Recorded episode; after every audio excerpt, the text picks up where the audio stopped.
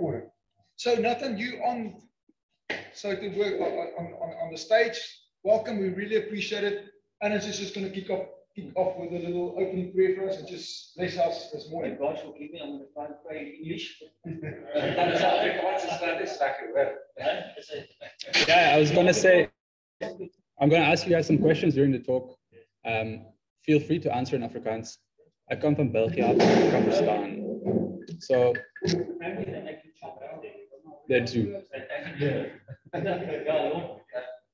going to thank you. we want to welcome you here, And uh, we know that you're always involved in our lives. Uh, we will thank you this morning uh, for the privilege that we had to listen to Nathan's story. Um, and that uh, you will bless his lips and that his message to us will also strengthen us in our faith, Lord, and our daily lives. Lord. We also pray for our brothers that are not joining in today. Also bless them in their absence. Thank you, Father God. Goedemorgen, good morning, goedemorgen, as we say. Um, so, I like the dramatic intro.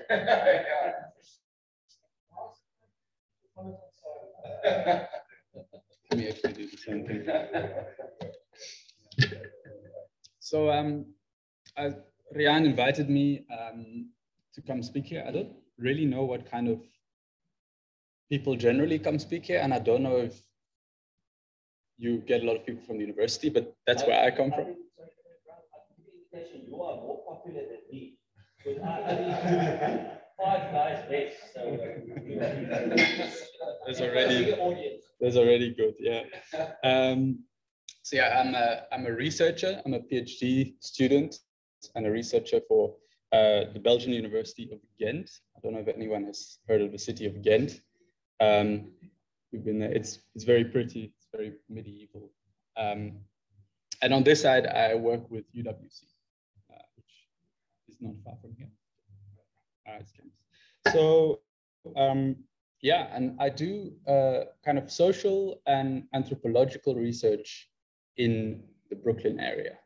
Um, so that's what I've come to talk about, um, why I'm working there, what I'm what I'm doing there and what I'm thinking about it. Um, it is very much a work in progress. I've now been coming and going in Brooklyn for the last, I started going there at the beginning of last year. So that gives you a bit of an indication how long I've been there. Um, and, um, and, but before I, I start telling you about all of that, uh, I just want to ask some of you guys, and not, not the ones who know Brooklyn very well, um, but, for the rest of you in the audience, what kind of what do you think what pops in your mind when you when you hear the hear brooklyn what reputation that place has got uh, not just now but also maybe when you were growing up when you were younger? Um, i see there's some gentlemen of a certain age here. Um, what, what kind of a place was brooklyn and is brooklyn today in, in your minds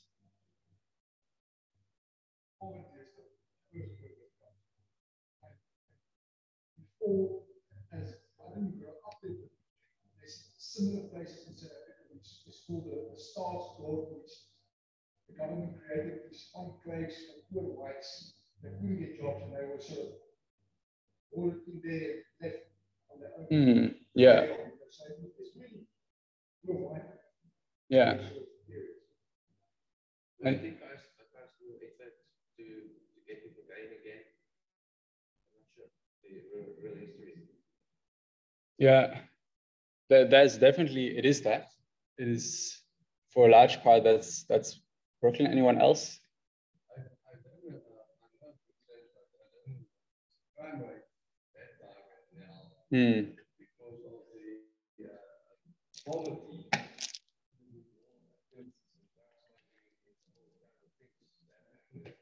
In a place like that, the poverty, you still all those kind of things. Yeah. Lower degraded area. hmm No, I think that's absolutely right. That that's kind of the reputation that Brooklyn has had for a long time. Um, actually, It's quite integrated to be today, Yeah, yes. there's a lot of in one area. And I think I think they're different from other, you know. I think they're they are called sort of two or three decades ago, uh, like Toya, you were there, that, or you, you were there, areas that served the schools, and at that stage it was right to be in a lower class income group, and that was right. And nobody, uh, they never knew about the area. I think things have changed, and they were both uh, surprised that they couldn't um, counter the economic downfall. And mm. that's when integration and all those things started, and everything that goes with that. Mm-hmm. Yeah. Not their world, but that they asked for that. Yes.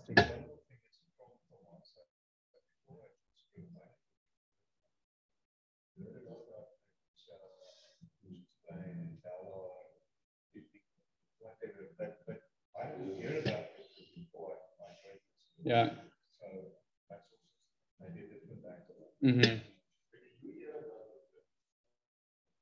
Yeah, I'm going to talk about that because because I didn't. I kind of found it by accident. Um, but yeah, I think we're hearing a, lot of, of things that are definitely that's how people know Brooklyn. Um, I think my the father of my landlord, my landlord lives overseas, but his father looks after the place, and he came in one day, and I was talking to him, and he he put it more crudely.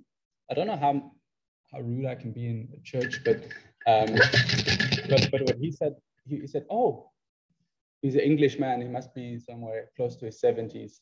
He said, oh, you're doing research in Brooklyn. Now, in in our day, we never used to go there because it was the scum of the earth that lived there.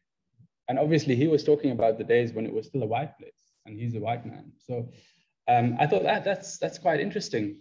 Um, I've never actually heard any white people talk about other white people in such a derogatory way.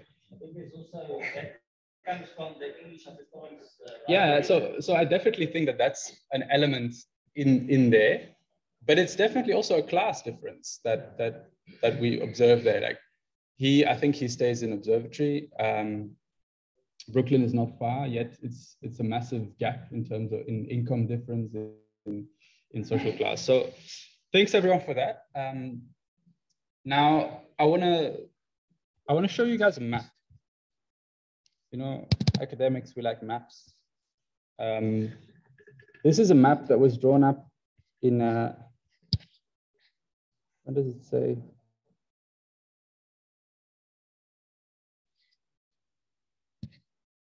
1950. Um, and it's, it says here at the bottom, this thing is in the way. Um, can I can I drag this little bar?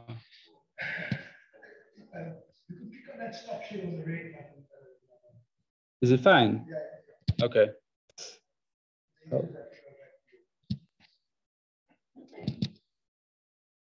So I'm going to show you three maps. This, this first one, um, it says this map illustrates the group area proposals made to the Land Tenure Advising Board by the Planning and Referencing Committee appointed by the government. Uh, obviously, 1950, this is two, two years after the National Party has come to power. Um, and this was kind of in a very simple map. You see is very abstract, not much detail on there, but it is their vision of what, um, how Cape Town should look like after they've executed all their plans for kind of reshuffling communities and, and redrawing the map of Cape Town to, to be a, a completely segregated city. So you have all of this is, is now the white area, then have almost like a buffer zone that's a colored area, and then there's like the black townships there. Obviously, this place was still farms back then. Um, so that didn't really go according to plan fully. I'll show you um, as a reminder. I'm sure some of you remember from the days when that was still the reality. Um, what it turned into looked more like this. This is uh, Cape Town in 1979. Um, and this is all of the, the different group areas. Um, now, if we zoom in on, sorry, you guys in the northern suburbs have mostly disappeared off the map, but um, but but what we see here is it's all been nicely subdivided. Here's the only colored area uh, together with District 6 and um, and here, uh, what's his name? Uh, Bo-Kaap. Yeah, it's, it's still, still marked here as a colored area. And then the purple spot is the only spot that's still officially a mixed race area at that point, which is lower Woodstock and a little bit of upper Woodstock here, which is kind of on the edge of Salt River, which is where I stay now. Um, otherwise, mixed areas have been completely phased out, not to say violently dis like uprooted, and, and people have been um, sent to all corners of, of Cape Town, including uh, you know the Cape Flats. Um, there's a famous story that I think most of you will know about um, Cape Coloureds being uh, taken from District 6 and forced to move all the way down here. Um, and Brooklyn here, as we see, it's, it's a wide area. It was always a wide area. Um, it was planned to be a wide area, just like these Cape Flats were planned to be colored areas. And um, around about that time also, city of Cape Town started building lots of social housing. The, what did you call it? The gemeentedorp? Staatsdorp?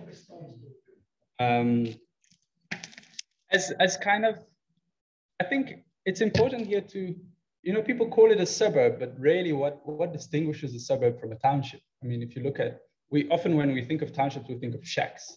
We forget that a lot of the townships that were built originally in the 50s and 60s, they weren't shacks. They were, you know, they had stone houses, um, brick houses. If you go to many color townships, that's they look kind of exactly like what Brooklyn looks like. They're small houses, they're sort of square, block shaped. Um, so, so in my opinion already, the time that Brooklyn was established and the time that other colored townships were established is kind of, you can see there's a lot of similarity there. Um, just the one was for whites and the other one was not for whites, was for coloreds. Um, now, I think we, we often hear this history in South Africa, um, but what we don't really realize is that it wasn't so easy back in the day in, in 1948, 1950, uh, 1950, 51, 2, 3, 4, all throughout until the 60s, they were still doing this thing because they passed the Racial Classification Act. And the whole point was that for once and all, we should have neat documents showing who is white and who is not white, um, so that we can understand and the state can have clear policies um, benefiting kind of people who are on the white side of things, giving them access to social housing, giving them access to jobs at the post office, giving them access to jobs at the, at the railways, and making sure that the rest wouldn't get those jobs or wouldn't get the same pay for the same jobs. Um, obviously, the difficult thing there was that it, it really wasn't so clear who was white and who was not. Because by 19, you know, the Dutch people arrived here in 1652. That's right, no? 1652, Jan 1652 till 1952. How many, how many centuries is that? It's about, what's it? 300 years. 300 years. How many generations? Years.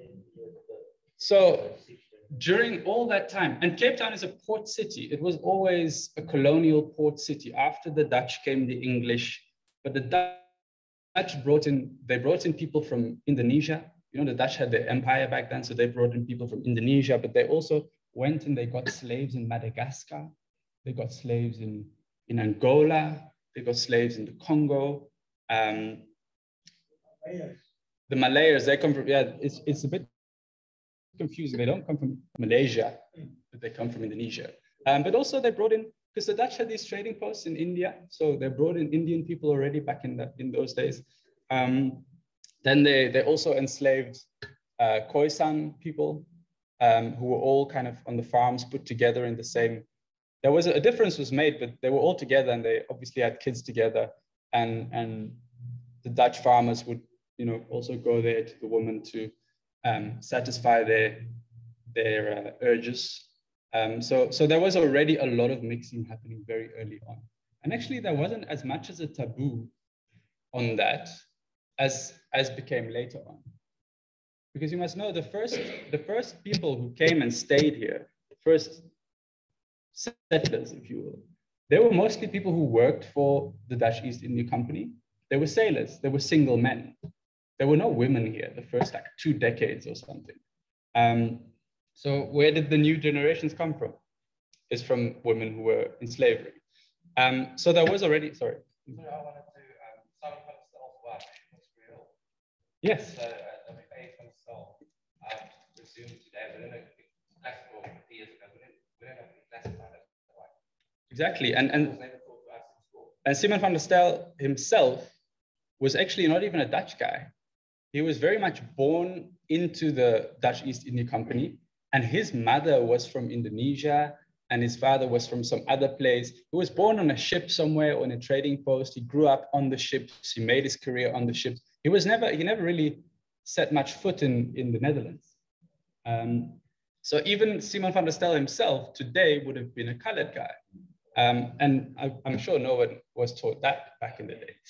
Um, so that's I, I don't want to go I don't want to go too deep because I don't want to I don't want to run out of time before uh, we get to the Brooklyn part. But um, but just suffice to say that there was a lot of what later became called racial mixing um, happening very early on in the Cape Colony.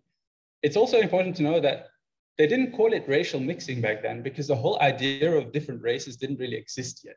There was an idea that some people were Europeans and some people were indigenous peoples here and some people came from somewhere else and some people were Christians and some people were Muslims and some people were heathens. But there wasn't this idea of scientifically um, separate races. That was only something that came after. Um, so when the English came in, you know, it's another group that comes in there's the rivalries with the Afrikaners or the, the Boers or the Dutch or whatever they call themselves at that stage in history. Um, and, and they also tap into a whole other empire. I don't know if you've ever seen these maps. I should have had one of the British Empire, but at that point in, in, um, in the 1800s, it really stretched over the entire globe. So, so they brought in, you had people coming in from St. Helena, you had people coming in from the Americas, you had people coming in, you know, when, when diamonds were discovered in Kimberley, that's when it really took off.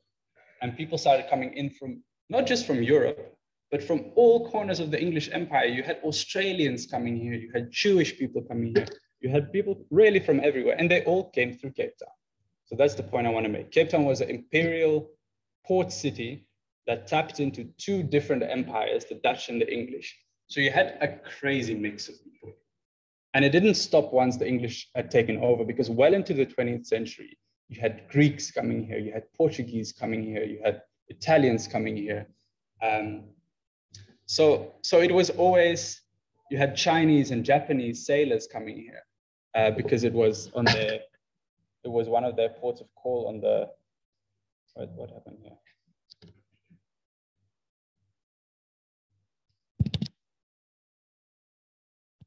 It was one of their ports of call. You know, um, there were you had these shipping trawlers that were fishing off the of the coast, so they, they were coming in to sell their fish here. So all throughout, you had a crazy mix of people, and they all ended up. They were all most of them were working class people. You know, it's that's always in any society. Most people are working class, and then you have a smaller group that's the elites. Um, and most people you know, for a long time, Cape Town was a small city, so most of them ended up living in places like District 6 and Woodstock and, um, and your, your other working class areas. Um, and so they all mixed, they all had kids together. It was, it was a, a complete melting pot. And then the apartheid government comes in, they're sitting there high and dry in Pretoria, they're, draw, they're drawing up these maps and they're drawing up these plans that you should have clear racial categories. And they are forcing that on a city that's as mixed and as diverse as Cape Town. Um, and they, they are just hiring a lot of people, young, unschooled Afrikaners mostly, to go out and to classify people. And they, and they gave them zero guidelines. I think there's a lot of myths around this, but um, actually, the apartheid definition of a white person was nothing else than someone who is generally accepted to be a white person. It was as vague as that. A black person was someone who is generally accepted to be a black person, and a colored person was someone who wasn't either of the two others. So it was as vague as that. There was no definitions based in blood. There was no definitions even really based in ancestry. Because, and there was a debate played out in the South African parliament um, in, in the late 1940s, where one of the conservative politicians said, we shouldn't include in this definition a rule about ancestry like they did in the United States, where there was this one drop rule. And if you had one black ancestor, like seven generations back, you were classified as black. He said, no, no, we shouldn't do that because who of you gentlemen here um, can know with absolute certainty that they do not have at least one black or Khoisan ancestor. And it's true. It's absolutely true. I know a lot of, especially in those days, but I'm sure today still a lot of a lot of um, English, but also a lot of Afrikaners definitely. They like to believe that they're 100% Dutch, and you're lying to yourself. Let me tell you, your great great great grandfather had loads of children with with uh, different women that were his slaves or were his um, worked on, on his farm and, and some of the kids he liked and so they could be his legitimate children and they inherited and they carried on the surnames. And, and why do you think there's colored van Wyks and white van Wyks and colored du Toits and white du Toits? Sure part of that story is because the slaves often got the same surname as as their masters but also because a lot of the slaves were the kids of the masters so so that's how that happened. Um, and, and so what I'm saying is you had unschooled state government employees who were going out and who were sort of just like that saying, I think you, you look white, I'll put you on the list. Uh, I think you're not, maybe you've got a bit of a tan. I think, yeah, yeah, the, the, gentleman, the gentleman back there actually raised his hand.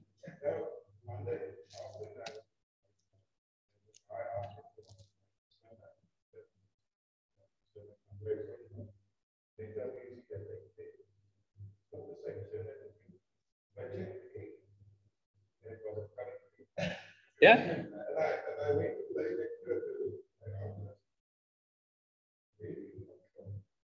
Actually, the same in my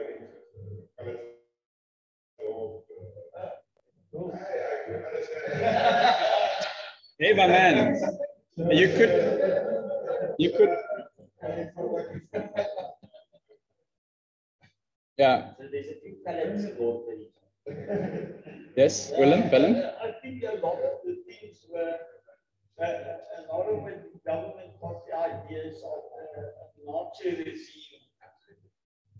The natural biology of a thing of the Hitler making an Aryan race, blue eyes. Yeah. They were definitely inspired by the Nazi regime, but um, but I think they were in a way more um, practically minded in the sense that they realized they couldn't, they were living in a mixed society. You know, the, the Nazis had the benefit in their eyes, obviously, of, of living in a place that was mostly still 100% German. So it wasn't so, so far-fetched a vision to try to keep it that way. It was really about that, to try to keep it that way. Whereas what apartheid regime tried to do, by and large, was to conjure up, to invent a thing that wasn't there before, a clear group of white people. In such, sure, in some corners of the country, it was maybe more easy to, to, to say, you know, some of like Mpumalanga, places where colonialism only reached much later, um, sort of well into the 19th century. There it was maybe clearer to say, like, those are Zulu people, those are the English. Sure, klar. But, um, but in places like Cape Town, again, it was very much sort of um, what we call not the vingerwerk. So you're kind of just giving it a shot. And, and obviously, because these were working class people, um, nobody really cared if people were mis, if people ended up in the wrong category. And whole families actually were torn apart. Um, because what I was going to say, it was it was about what you looked like. So were, if you if you were darker, then you were maybe colored. If you were lighter, then you could maybe be lucky and be categorized as white. Um, but appearance did, wasn't enough. Clearly, people were too much of a mix for appearance to be the only uh, category that they could use to, um, to classify people. So other things came in. Um, language. What language did you speak? If you spoke, if you spoke Xhosa, then sure, you wouldn't be classified as white. But if you spoke Afrikaans, maybe you were white, but maybe not. Um, then it depends on how you speak, like what's your accent. But then also other things like what job did you do? If you had a good job, if you were maybe a clerk, if you could read and write, then that really increased your chances of being classified as white, even if you were more tanned, even if you maybe your hair was black and curly. Um, you, you could still be lucky because you spoke, maybe you spoke nicely, you were literate. Um, and then finally, it was what, what other people said you were. If they're really, if they're really unsure where they should put you, they went around and asked in the community, is this guy, is this guy white or not? Um, and if you were lucky and the community liked you, they would all say, yes, yes, yes, white. If they weren't, if, if they didn't like you, um, you could end up on there. So just, to, and then different people that were doing this categorizing had different tricks. So I know everyone has heard about the pencil test. It wasn't an official test. The idea that they put a pencil in your hair, if it dropped out, you were you were colored. Um, oh no, if it dropped out, you were white, and if you if it's stuck, you were colored or maybe black. Um, obviously, like, that wasn't an official guideline of the government. There's, you know, these pens with the little hook on, like, no, um, that wasn't an official guideline. That was literally something that some people that were doing the categorizing they came up with just on the cuff because they needed some something. You know, other people had other tricks. Other people looked like made people just strip down naked and look what color their penis was because they were like, that's that bit sees no sunlight ever. So that's what you can, that's a reliable, you know, because some people tan more easily. You have lots of Portuguese and Greeks who are as dark as colors. Um, so that's, that's just to paint you a picture of how brutal it was, how it was like they took a bulldozer or digger and they ripped through entire working class communities in Cape Town saying, you should go there, you should go there. Um, um, and a lot of families actually still, a lot of colored families definitely remember this when some of their uncles turned out to be white and some of their uncles turned out to be colored. Um, and a lot of, there's a lot of resentment around this, feeling like, why should we have fallen on this side of the line um, and not on the other? It was, in many cases, it was like tossing a coin. You could be lucky, you could be unlucky. So that's kind of the, the longer historical vision that I want to start off with. Being like, today we so easily talk about these different races. Still today, like the other day, I was hearing on the on the radio, there, there was this whole debate going on if if there should be a different a, a separate box where you should state your race for job applications. So for statistical purposes. Um, we so easily talk about these races as if they're things that have been around for forever and if they're natural. And obviously that was exactly what the apartheid regime wanted, right? To, to have these things appear as, as natural, whereas actually they were highly artificial. And they were, from our point of view, very recent. I mean, 1950, I know lots of people can remember that. That's not ancient history, that's living memory. Um, so it was a recent thing. So that's where we get started with where my research begins. And this is all context. But um, my my interest was in okay we're now i thought okay we are apartheid ended in 1994 that's now almost 30 years ago. That's you know apartheid lasted for for 40 odd years. So that's almost you know one decade decade short of that we've had democracy of how long apartheid was. So i thought that's a good amount of time. What actually has happened on that working class level um, in, in this city. And what has happened specifically to people who were back then were classified as whites but remained that lower class of whites what happened to them today? Did they manage to climb the ladder and, and, and make, make careers and, and buy nicer houses and move out to better suburbs? But surely not everyone. So my begin my starting point was let me go out and find whites who kind of stay there at the bottom and who obviously after 1994 were reintegrated into a working class that they'd been nicely separated from um, because a lot of them had privileged job access to these jobs on the railways and jobs at the postal services and they could have affordable housing in places like Ysterplaat in Brooklyn. Um, so a lot of them had a couple of good decades, but it was only that. It was only a couple of good decades. After that, what happened to them? and how did they fare now they were kind of on the same level as where colored people and black people had been all this time. I like to I like to call it sort of a reintegration of working class people into the Cape Townian working class. Whereas they, they'd been they'd been a bit privileged, not very privileged compared to other whites, but they'd been fairly privileged. But now they had to now they had to compete with everyone else. Um, so that's how I found Brooklyn. Well, I went to look for Brooklyn because I arrived here in Cape Town. I knew Cape Town quite a bit, but how do you find that specific group of white people who stuck to the bottom and who never really managed to move up and who are maybe now starting to be integrated? Um, and that's when I found this map. And this is really, I don't think anyone has ever looked at Cape Town this way. This is based on the census data from the 2011 census. So it's nearly it's 10 years old. Um, and it shows you where different racial groups live. And so blue is black people, um, colored is orange, um, green is Indian or Asian, and then um, pink is white. So that's how you see how much actually the old. What, what year was that? This was 2011. Um, so I'm actually waiting, you know, they're doing the census now. I'm really keen to see what changed. Um, but you see how stark the lines are, especially these lines. I don't know if you've ever been there in the Cape Flats where a colored area ends and a black area begins. It's just one road. It's a narrow road. No one crosses that road. It's you can literally it's different worlds.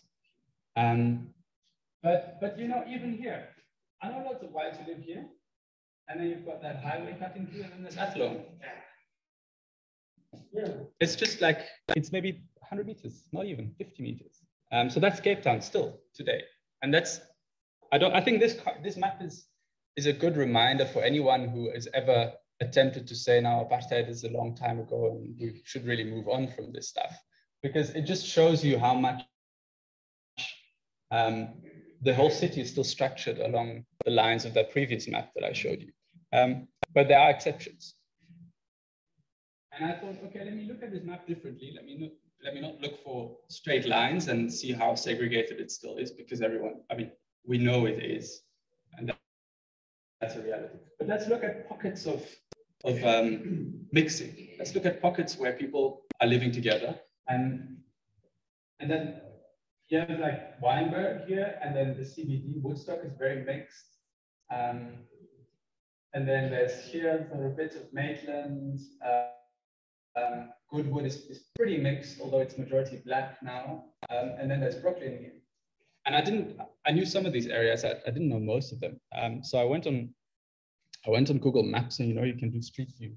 Because if, if places are mixed these days, it can mean one of two things. Either it's a really rich area, and you have like a new black and colored elite that's moved into these areas, or they are poor areas. And often they are previously poor white areas where black and colored people have started moving into. Um, and that was the case for Brooklyn. And Brooklyn is, even on this little map, you can see it's just, you can't even tell which is the majority. It's, it's kind of split one third black, one third white, one third colored. It's a perfect mix. Uh, what also struck me was that the whole of Brooklyn is equally mixed. It's not like you have a black part of Brooklyn and then you have a colored part of Brooklyn um, and a white part. It's, it's equally mixed. So I thought that's the place that I should go. So I took my bicycle and I rode to Brooklyn. And that's how I met Albert. And that's where the ball started rolling. And I started meeting people there. And I, um, and for a year and a half now, that's that's where I've been going. And Brooklyn is actually really interesting because it's very self-contained. On the one side, you have the harbor and you have some industrial activity. On the bottom, you have Paarden Eiland, which is also industrial activity. On the other side, on the on the east, um, you have the Ysterplaat Air Force Base, so there's no one there. Um, and at the top, you have you have um, Milnerton, but there's a, a railroad cutting through it, drawing a perfect line, um, which again that's the dividing line, a class line. Above that line, people will be like, oh yeah, there's rich people living there. That's the, the kids from Milnerton. And there's loads of stories of back in the day, people who grew up in Brooklyn, they, they will tell you that there were bioscopes in Brooklyn and kids from Milnerton would come down to, to go to the bioscopes. And then the kids from Brooklyn didn't want these kids, these richer kids on their turf, so they would beat them up. Um, so, and Brooklyn was, I mean, from all I can gather, it was a kind of a rough area. Uh, maybe today it's rougher, like there's lots of people saying that, but back in the day still you had you had your white gangsters. Um, they maybe weren't as hectic, hectic as today's gangsters, but then nowhere. I mean, District 6 also had gangsters, but everyone agrees that really gangsterism only got out of hand globally in Cape Town, um, kind of in the 2000s, and definitely around the point of 2008, um, when they linked up with, with international drug cartels. So, so that's only when it got really violent. So it's, it's normal that people tell me that kind of in the 70s, the, the gangs in Brooklyn were, were softies. But there were still gangsters, and, and that's why my landlord's father says that it was a scum of the earth and he wouldn't go there because it was unsafe. Um, now, I've told you all this. I have found a lot of people in Brooklyn who fit perfectly this, this um, category, if you will, that I was looking for. Whites who never really managed to climb the ladder, or maybe they climbed a little bit and then they, they fell down again due to lots of different factors. Some um, some because of addictions, alcohol. I mean, there's a lot of alcoholism in the colored community. There's also a lot of alcoholism in the, in the white community. And it ruined some families. It really did. Some families who didn't have the networks um, to, to catch them in their fall, they ended up living in Brooklyn. But also um, people who maybe gambled away their fortune, people who just were unlucky and fell with, sort of were struck with illness. Um, people who were disabled and suddenly after 1994 were having to make do with the disability grant of 1,800 rand a month. Pensioners, lots of pensioners who, um, especially women who never worked during their life um, and who, uh, who were housewives and their husbands maybe died or their husbands maybe were useless and they left them. Um, uh, and, and then they would, they also had to make do with a 1,800 rand a month just like anyone else, just like every every gogo and every Oma, colored Oma that's that also has to make do with a thousand eight hundred rand. So so it's like these state grants and things like that, they are great equalizers actually. Um, great in the sense of effective equalizers, not in the sense of good equalizers. Because I don't want you to take away from this talk that I somehow take pleasure in the fact that people are are now all living together at the bottom. I don't. I think segregation is a bad thing, but I also think poverty is a bad thing. Um, so I would, I would, I would love for a community like Brooklyn to to rise above its current conditions. Um, but that being said, it is very interesting to me as an academic, but also I think to anyone in this city, to see how white people are forced to break out of their silos and are forced to live together with colored people and with black people and kind of really they have no option and what you see happens when people have no option is that they kind of have to make do with their neighbors and with the people that they that are backyard dwellers together like along alongside them you know, people who live in the hokkie next door people who live in the um, you have and, and you have all sorts of really unusual for Cape Town, unusual arrangements. There you have colored house owners who have white tenants. Who's ever heard of that? People say like, oh no, my, my, my, my landlord is rich. She's this old tannie who lives in, um, who lives in Woodstock. And she's this colored tannie that by, by anyone else's standards um, wouldn't be considered rich, but you know, she has white tenants. And also alongside with Nigerian tenants and, and, and they share the same bathrooms and the same kitchens also. Um, so that makes for, and, and it's not at all harmonious. Like people fight a lot and there's, um, there's no lack of, of racism in that area. I think everyone has their, has their own set of stereotypes that they whip out if you ask them about it. If you ask people, in, especially if you ask white people, but also colored people in Brooklyn, what they think of Brooklyn, they will, they will give you a whole um, racist tirade about how the whole place has gone gone down because of all the black people that moved in there. But that's not what, what interests me. Um, because what interests me is that that contradicts their actual conditions that they live in. Because they will tell you racist stuff, but then at the same time, they will have really good relations with his Congolese auntie and her five kids that lives in the room next door.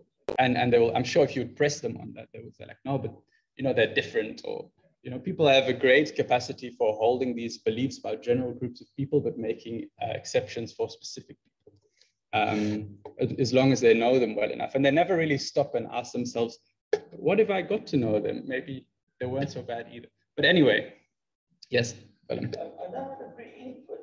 Saying, uh, but it's interesting. I think it's a concept in South African not only in our age, but also in other people's. It's like it's, like people wanted to be like, in a sense that they want to be like this. I think if they really wanted to mix with everyone else, maybe that would have changed. But it's like breaking through a barrier in the needs to see themselves I'm just like everybody else. I can say anybody to accept. So both from our concepts and both from the other people's concepts, that everybody is stuck in a certain concept of how it should be. And it is never changing themselves. Now they expect the government to change that, but government will never change that. Yeah. Um, so I, I see I, I only have 15 minutes left, so I want to maybe make a couple of points. I want to make it maybe clear what I what I want to what I want people to take away from this long winded story. Um, but I think why is it important that we bear in mind the fact that everyone comes from a mixed background, basically, and that in some parts of definitely uh, working class communities, people are moving closer together again. Because I think I'm strongly convinced that where Brooklyn has, is at today is where Cape Town as a whole is heading down the line. I think there will only this kind of integration at the bottom, which is not the same as kind of the grand vision that the ANC departed on in 1994 of, of the Rainbow Nation. I think this is a very different kind of integration and a lot more, more grim but the, fact that it's grim doesn't mean there's no hope. I think there is, but it is a lot more grim, just to just to put it that way. I'm not a big proponent of, uh, I, am not a big believer in the idea that that a rainbow nation um, could be so easily achieved. Um,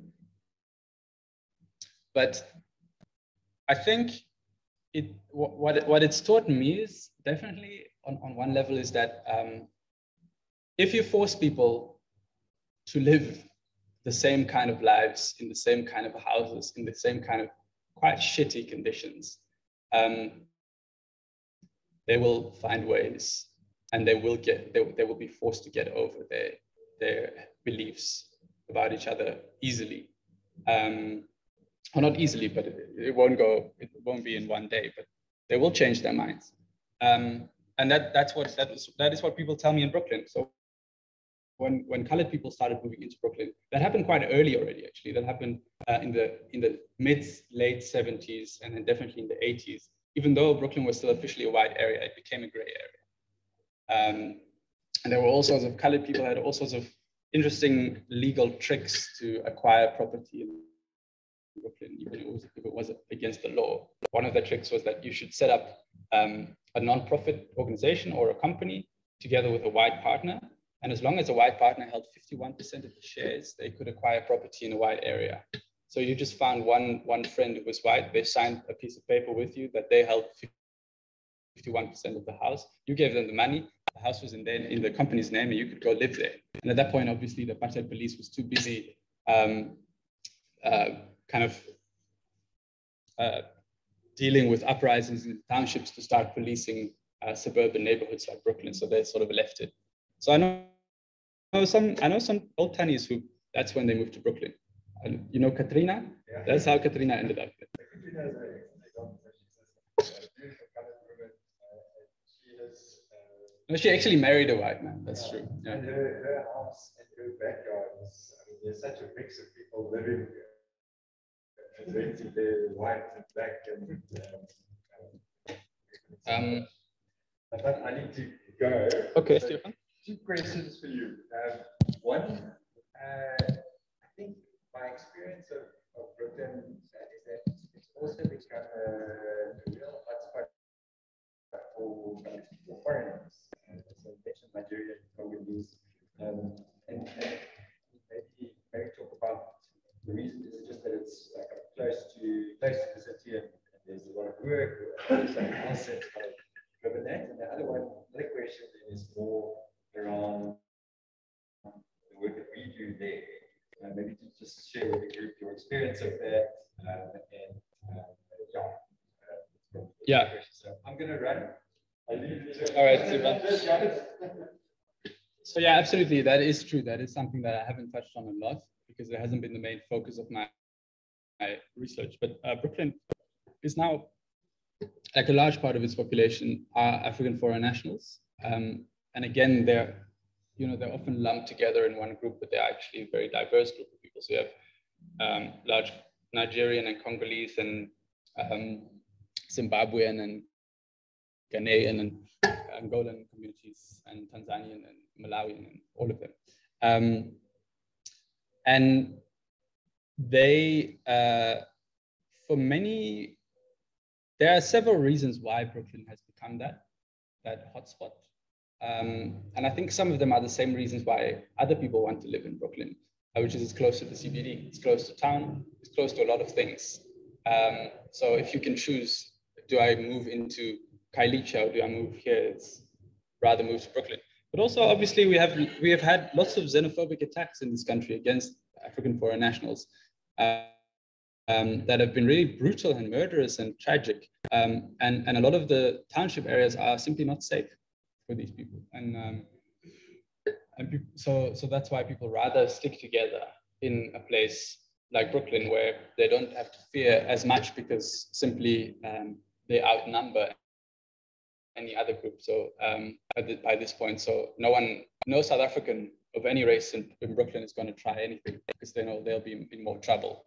Um, so so there is that, but also it's it's kind of with these communities the way it works is people move to South Africa and often they have very little or nothing, and so they look for people of the same country. So Congolese people look for Cong- Congolese networks. It's all about networks um, to, to kind of give them that first jump start, if you will. And so people will borrow them money, people will give them a, a roof to sleep under. So you have, have a lot of people moving into Brooklyn and then, and then kind of making a bit of money and moving out of Brooklyn again. So it's the first port of call. It's, it's really where people move through Brooklyn as one of the stages of trying to make a living in this country, trying to build themselves up. Um, so uh, you have a lot of people complaining about that. You have a lot lot of people, um, I think, unjustly blaming them for a lot of the things that are going wrong in Brooklyn. Um, you have a lot of people blaming them for um, the drug epidemic that's definitely making a lot of casualties in Brooklyn. Um, I think that's unfair, in my opinion, not just in my opinion. I think you can definitely say that's unfair uh, because it's not foreigners that brought in the drugs. The drugs were there before the foreigners. Uh, and I know that because I've met people who were dealing drugs in Brooklyn in the 1970s. I've met white people who were um, affiliated. I know this one Tannie who I won't name, um, but her and her boyfriend in the 1970s, they got involved with the Americans gang and they set up the first drug house in Brooklyn in, in the early 70s. So the drugs have been there. The drugs are not foreign drugs either. Tik, unga, all these things, mandrax, buttons, um, they're all pretty much home cooked. So what you rather see, I think, is that some some foreigners come in and they look around like, what are the opportunities here? How can I, I? I have nothing. I have a family waiting back home to wait for me to send money there to support them. How can I? How can I do that as quickly as possible? And they I actually spoke to one one guy. Um, Omar was his name, and he uh, that's that's his story. He started off selling watches on the streets selling belts, and he went and bought them in some Chinatown, and then he walked the streets and sold them. He, he walked through Epping and he sold them to workers in Epping.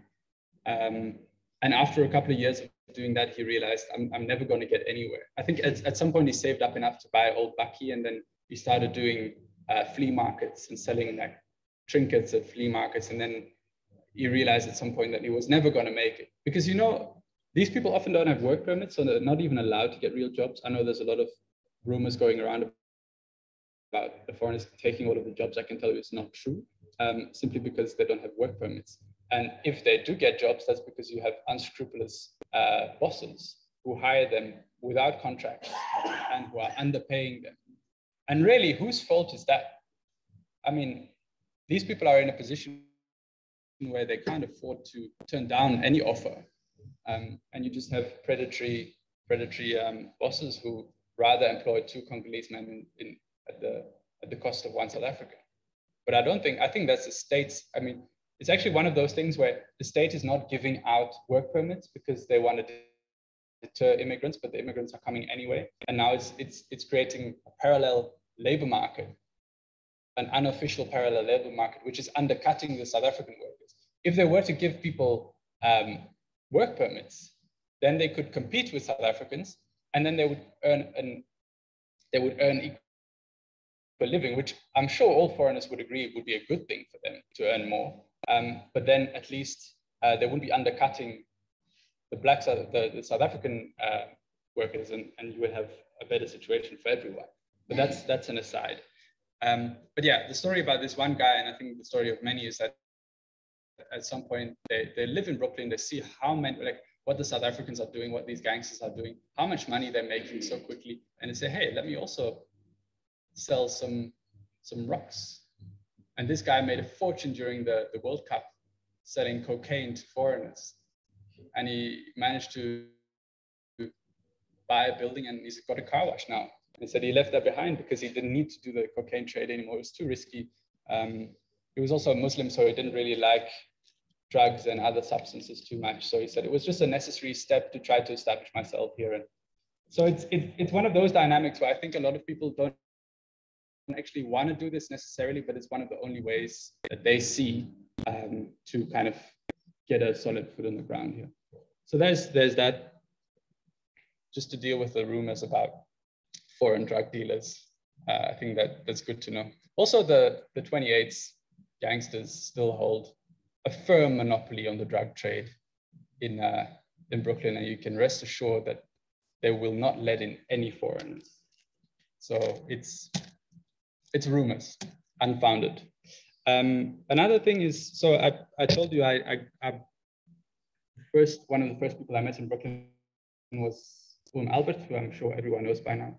Um, and he's been a very, very, just a huge help and I'm very indebted to him for um, introducing me to the neighborhood. Because if you're going to do the kind of work that I do, um, you're literally rocking up in a place where you don't know anyone. How do you get started? You need someone to take you around to introduce you to different people, influential people in the community, who can then, in their turn, introduce you to more people. Um, so that's what that's what he's done for me. Um, but obviously, he's shown me a lot of of what him and the Roots Trust and and, and the whole uh, structure around them and the network around them has, has tried to do in the neighborhood. Everything from um, doing sort of everyday handing out food, which is very necessary, uh, but it's also not enough um, because you can give people food every day. I mean, there's this bit in the Bible, isn't there? I'm not, I'm not even a Christian, but I do know this, that something about you can teach a man, you can give a man a fish, but you can also teach him to fish. Um, so I think that's that's that's really goes at the heart of what. Yeah. Oh yeah.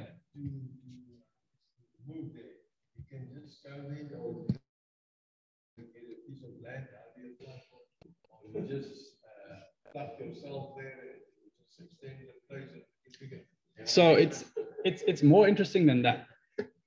Because if you look at this, everyone will think, oh yeah, that's that's a squatter camp, right? That's you see a lot. You, you see lots of places like that everywhere in Cape Town. So people in the margins, people in parks, set, set, setting up shacks. Um, but this is actually different. This is the flag in Brooklyn. This is a nature reserve area. Um, so you absolutely can't apply to buy to, to buy or build anything there because it's illegal. Um, but, but you have these, these houses. Is they're they're the houses on Kings Road for anyone that knows Brooklyn. And one of them, there's a lady that lives there, a white lady, um, the same one that I said uh, was was one of the first drug dealers in Brooklyn and, and, was kind of involved with the Americans gang. And she has set up a small squatter camp in her backyard. She's built these hockeys in the first place for her own children because she has 11. Um, yeah, she, she has been busy. She's lived a very full life. Um, but but um, but then they sort of started to spill out from her backyard, and she's actually building them against the wall, the back wall of her property, on on the vlei, so on the nature reserve's land, without obviously. Now this is this is a white a white lady doing that and charging rent for those Um, it's not her property, no. She is she's basically a white slumlord gangster. Yeah. Whoever thought that they would hear that? Um, you get some of everything in Brooklyn. No one stops her. No, I think maybe because it's kind of stuck to her property, nobody's bothered. But also, also, I think a lot of people know that they are one. She is one phone call away from calling a whole bunch of armed gangsters, like com- combis of gangsters on them. Um, so no one really, I think, wants to go there um, with her wants to take it to that point. Now, again, she's, but, but the thing is, it's, it's again, it's more complicated than that because what she'll tell you is that she's doing it to help people.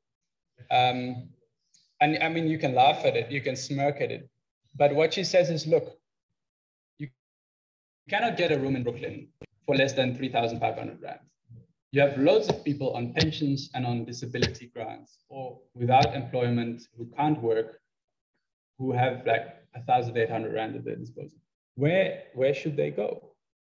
And in effect, this is one of the only places in Brooklyn where people can go and they can rent a hokkie for like thousand five hundred rand. Yeah, there's well, there is power. I think they share a tap.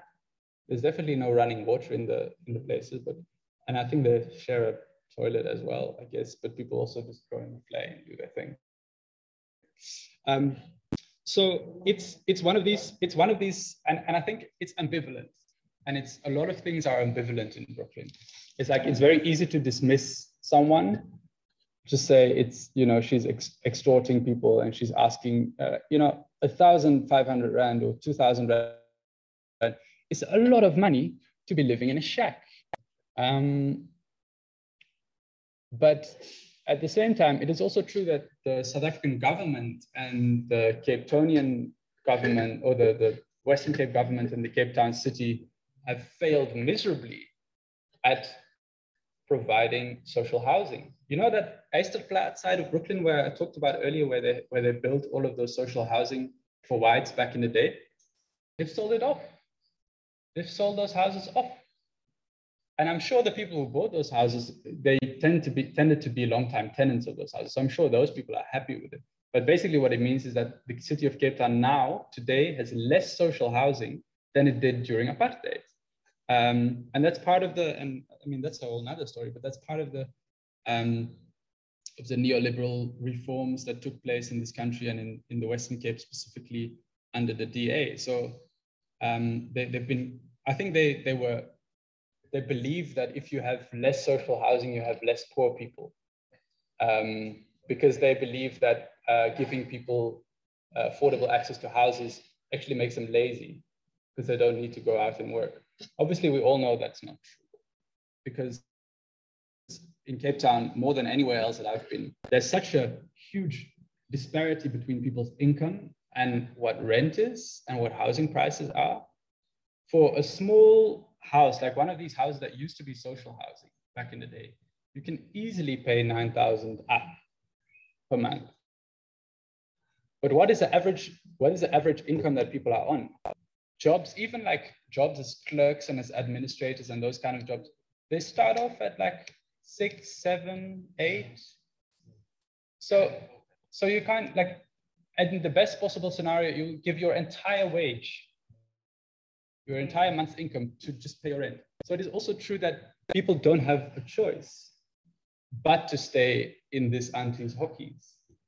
And I still don't agree with her practices, but I do think she is well aware of that there's this fundamental problem and this fundamental injustice work in the in the housing market.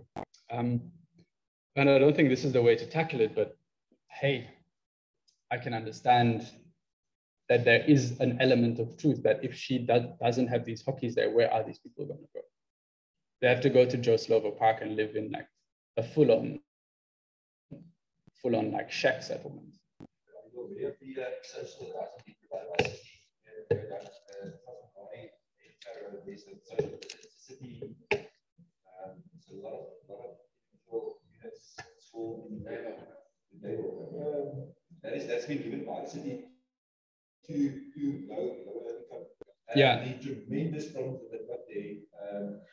from all sides, um, spoken to people with the neighborhood, they actually oppose that because it just doesn't work. It's, so it's been given, it's, it's provided very, very cheap. But there's a huge issues there. And city's got a lot of problems there. They want to get rid of it because of the Because of the problems. each, each, and as we give it about something, uh, this area was created, um, as a, as a white area, but it it into this sort of mixed situation. So, yeah. But the one in, in, Good- uh, in, uh, Woodstock, that's been sort of identified back then as a mixed area, am I correct? I think, yeah, so it, it- But if you, compare the conditions in, in both these areas, you say that uh, it went better in Woodstock than in, in Brooklyn, where, where one was white and the other one was a, a sort of mixed area. So um, it's true. uh, On the map, it is indicated as a mixed area. Uh, Woodstock. Woodstock was. Um, but really, it wasn't by design. It was kind of the it's it's it was merely still a mixed area in 1979 because the apartheid government never got around to to segregating it. So so they, they spent so much time trying to get rid of District Six that they never got to the point where they started tackling Woodstock. Yeah, but that Woodstock flourished. So- The fact that it was left as a, as a, as a mixed area, that, that, that, that came, came up with the, the desired consequence or the desired result. So, so it, it, it definitely, if the apartheid government had had its way, Woodstock would have been all white. But it's true, it, it didn't, and it remained mixed, definitely lower Woodstock. Um, now, if you're asking me to compare today lower Woodstock to Brooklyn, I think it's very comparable in terms of the living conditions. Lower Woodstock is very poor. Um, houses are completely run down, just like they are in, in Brooklyn. And um, they have a lot of the same problems, gangsterism with drugs, with um, so so I think that's one of the remarkable things is that you, here again you see how much of a equalizer poverty and and kind of being lower class is that it doesn't really matter who lives in these areas because Lower Woodstock is a majority colored and a, a Muslim area. Um, and, and, and, and Brooklyn is what it is. It's, it's, it's a mix. But people are confronted with the same problems of, of unemployment, of substance abuse, of, of um, kind of being forced to live with in overcrowded places because, because rent is so high that the only way you can you can afford to have a place is if you share it. And so you say in Woodstock, there's a natural sort of regrouping the Muslims and the, international regrouping. Look, lower lower Woodstock is I find few white people to live there? What do you mean by a natural regrouping?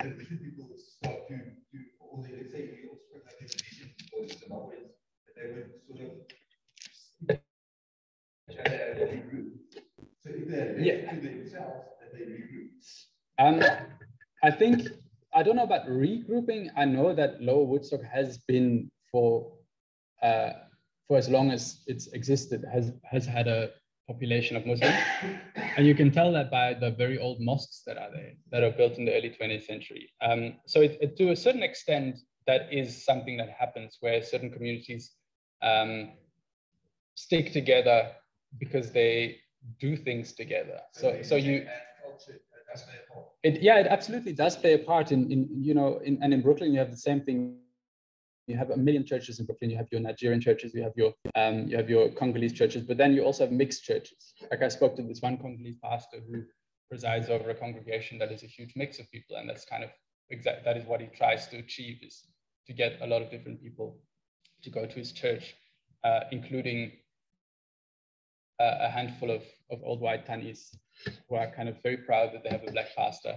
Um, it, uh, it, it's very it's very interesting. Um, on, a, on another note, because so uh, in as much as I think that's a good point to make. In as much as you have people a tendency with people to uh, maybe seek people with a sim with their own culture and their own religion.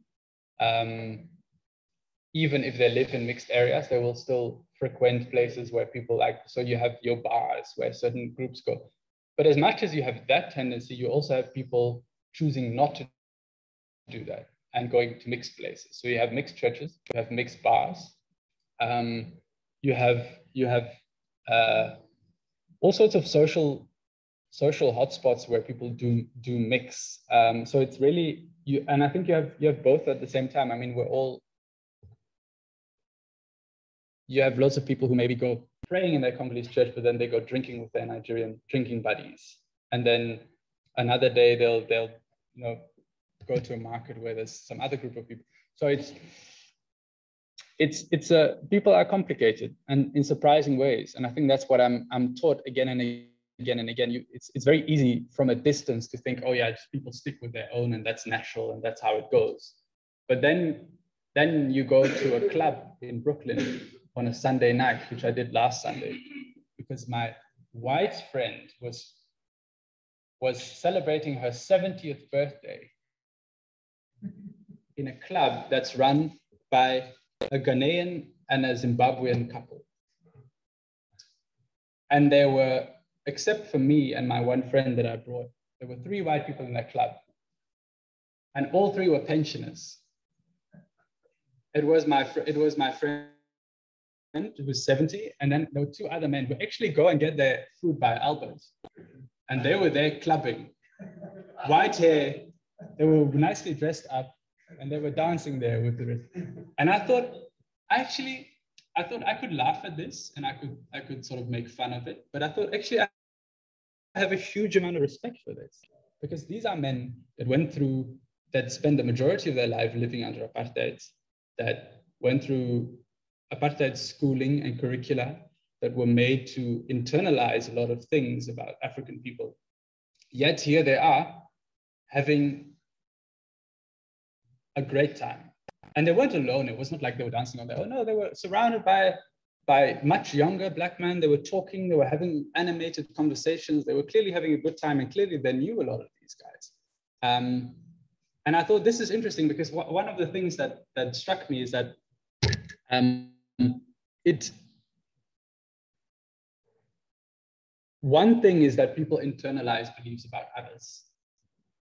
Another thing is their conditions that they live in. And a lot of people in Brooklyn live in these old age homes where they are completely alone and they don't, they sort of, either they don't have family or they kind of, their family doesn't care about them or doesn't visit them or lives in Joburg, so they never see them. Um, and, and so they are lonely. And there, there, is, there is a lot of, there's a lot of old, lonely people in Brooklyn. I'll, I'll wrap it up after this note there's a lot of old, lonely people in Brooklyn. Um, she's just, uh, and nobody really. So it's not a, it's not special. No one's going to go out of their way to visit them or to. Um, no one's ever going to give them attention even. If they walk around on, on, on the main road, no one's going to look around and sort of say, hey, maybe this person is lonely. But then so and, and everyone needs social interaction. Everyone needs for people to show interest in them to care about them to um, to just have a conversation with them. And then they go in this club and suddenly you have all these young young guys who are like ah look that's interesting. This is old white grandpa walking in here. Let me go have a conversation with him. Let me go talk to him. Let me genuinely ask him, hey, how are you? Why are you here? Like, not in a threatening way, in a welcoming way. Like, why are you here? Like, tell me your story. So that's what happens there. And I think these people find community in unlikely places. That's, I think, a core thing that I want people to take. away. people find community, if they're forced to, they find community in unlikely places, places where you would never expect them. And they find things there that they never expected to find. Um, they learn things about each other they never expected to learn. Um, so, so I think that's cool, and I have a lot of respect for that. Yes.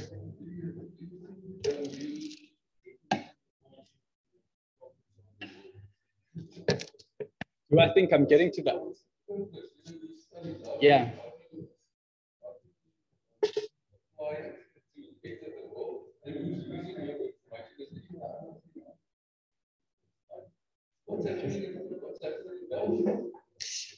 Those are two questions that I.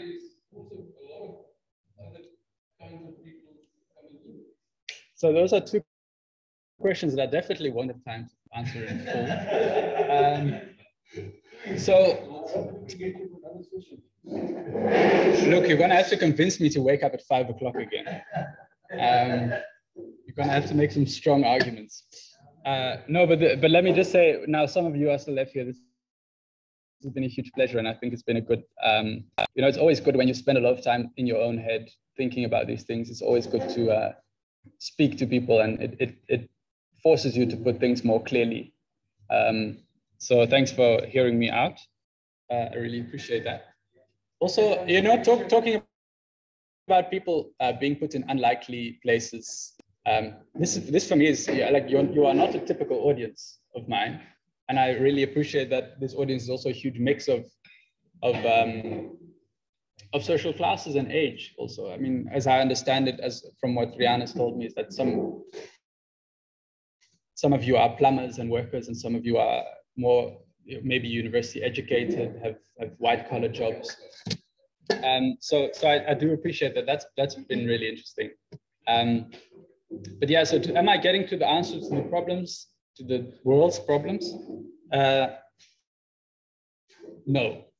Um, I think if anything, and maybe that's a bit discouraging, uh, I'm just being shown every day that poverty is a very complicated thing. Um, and it is it is absolutely true. I don't know who said it earlier, but um, it doesn't suffice to give people houses. It is not the, the, the sort of there is no golden bullet solution to these problems. Because if you're going to give people houses, then there's still a lot of issues with substance abuse. If you're going to put everyone in rehab, then there's no point in putting everyone in rehab if you can't give them jobs afterwards because they're going to fall back into the same thing. You can't give people jobs if they still have addiction problems and if they don't have a house to live in. So you see how these things all depend, they're all interlinked and you kind of need to fight that battle on multiple fronts. And um, as an outsider and as someone who's quite left leaning, let me put it that way, um, I think the, the DA and, and, the, that has run this city and this province for a long time now has been very lackluster in doing that, has been very lackluster in, in trying to to tackle the complicated and the problem of, of poverty in the city for all poor groups, not, not just for poor whites, not just for coloreds, for, for everyone. Um, so they've, they've by and large actually done the same thing that the apartheid government used to do with poor people, which is to push them to the periphery of the city. They push them to Atlantis. They build, they build like they give them a plot of land, like build your shacks here. And then they said, okay, we dealt with them. We've, we've, dealt with their constitutional rights to housing because we've given them, but nobody's going to stay in Atlantis because maybe they, their hustle is in the city. So they go back to the city and they go live in a backyard in Brooklyn because it's close to the city. Because transport is expensive. And so it's, it's also rational. You know, it's people, people make calculations. Um, then on, on, the, on the Belgian front,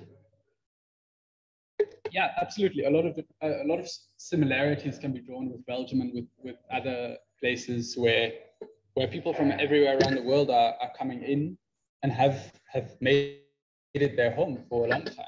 again since the, the 1950s and 60s, ever since the end of the Second World War uh, in Belgium, uh, Belgium went out of its way to recruit laborers in Morocco and in Turkey to rebuild after the war.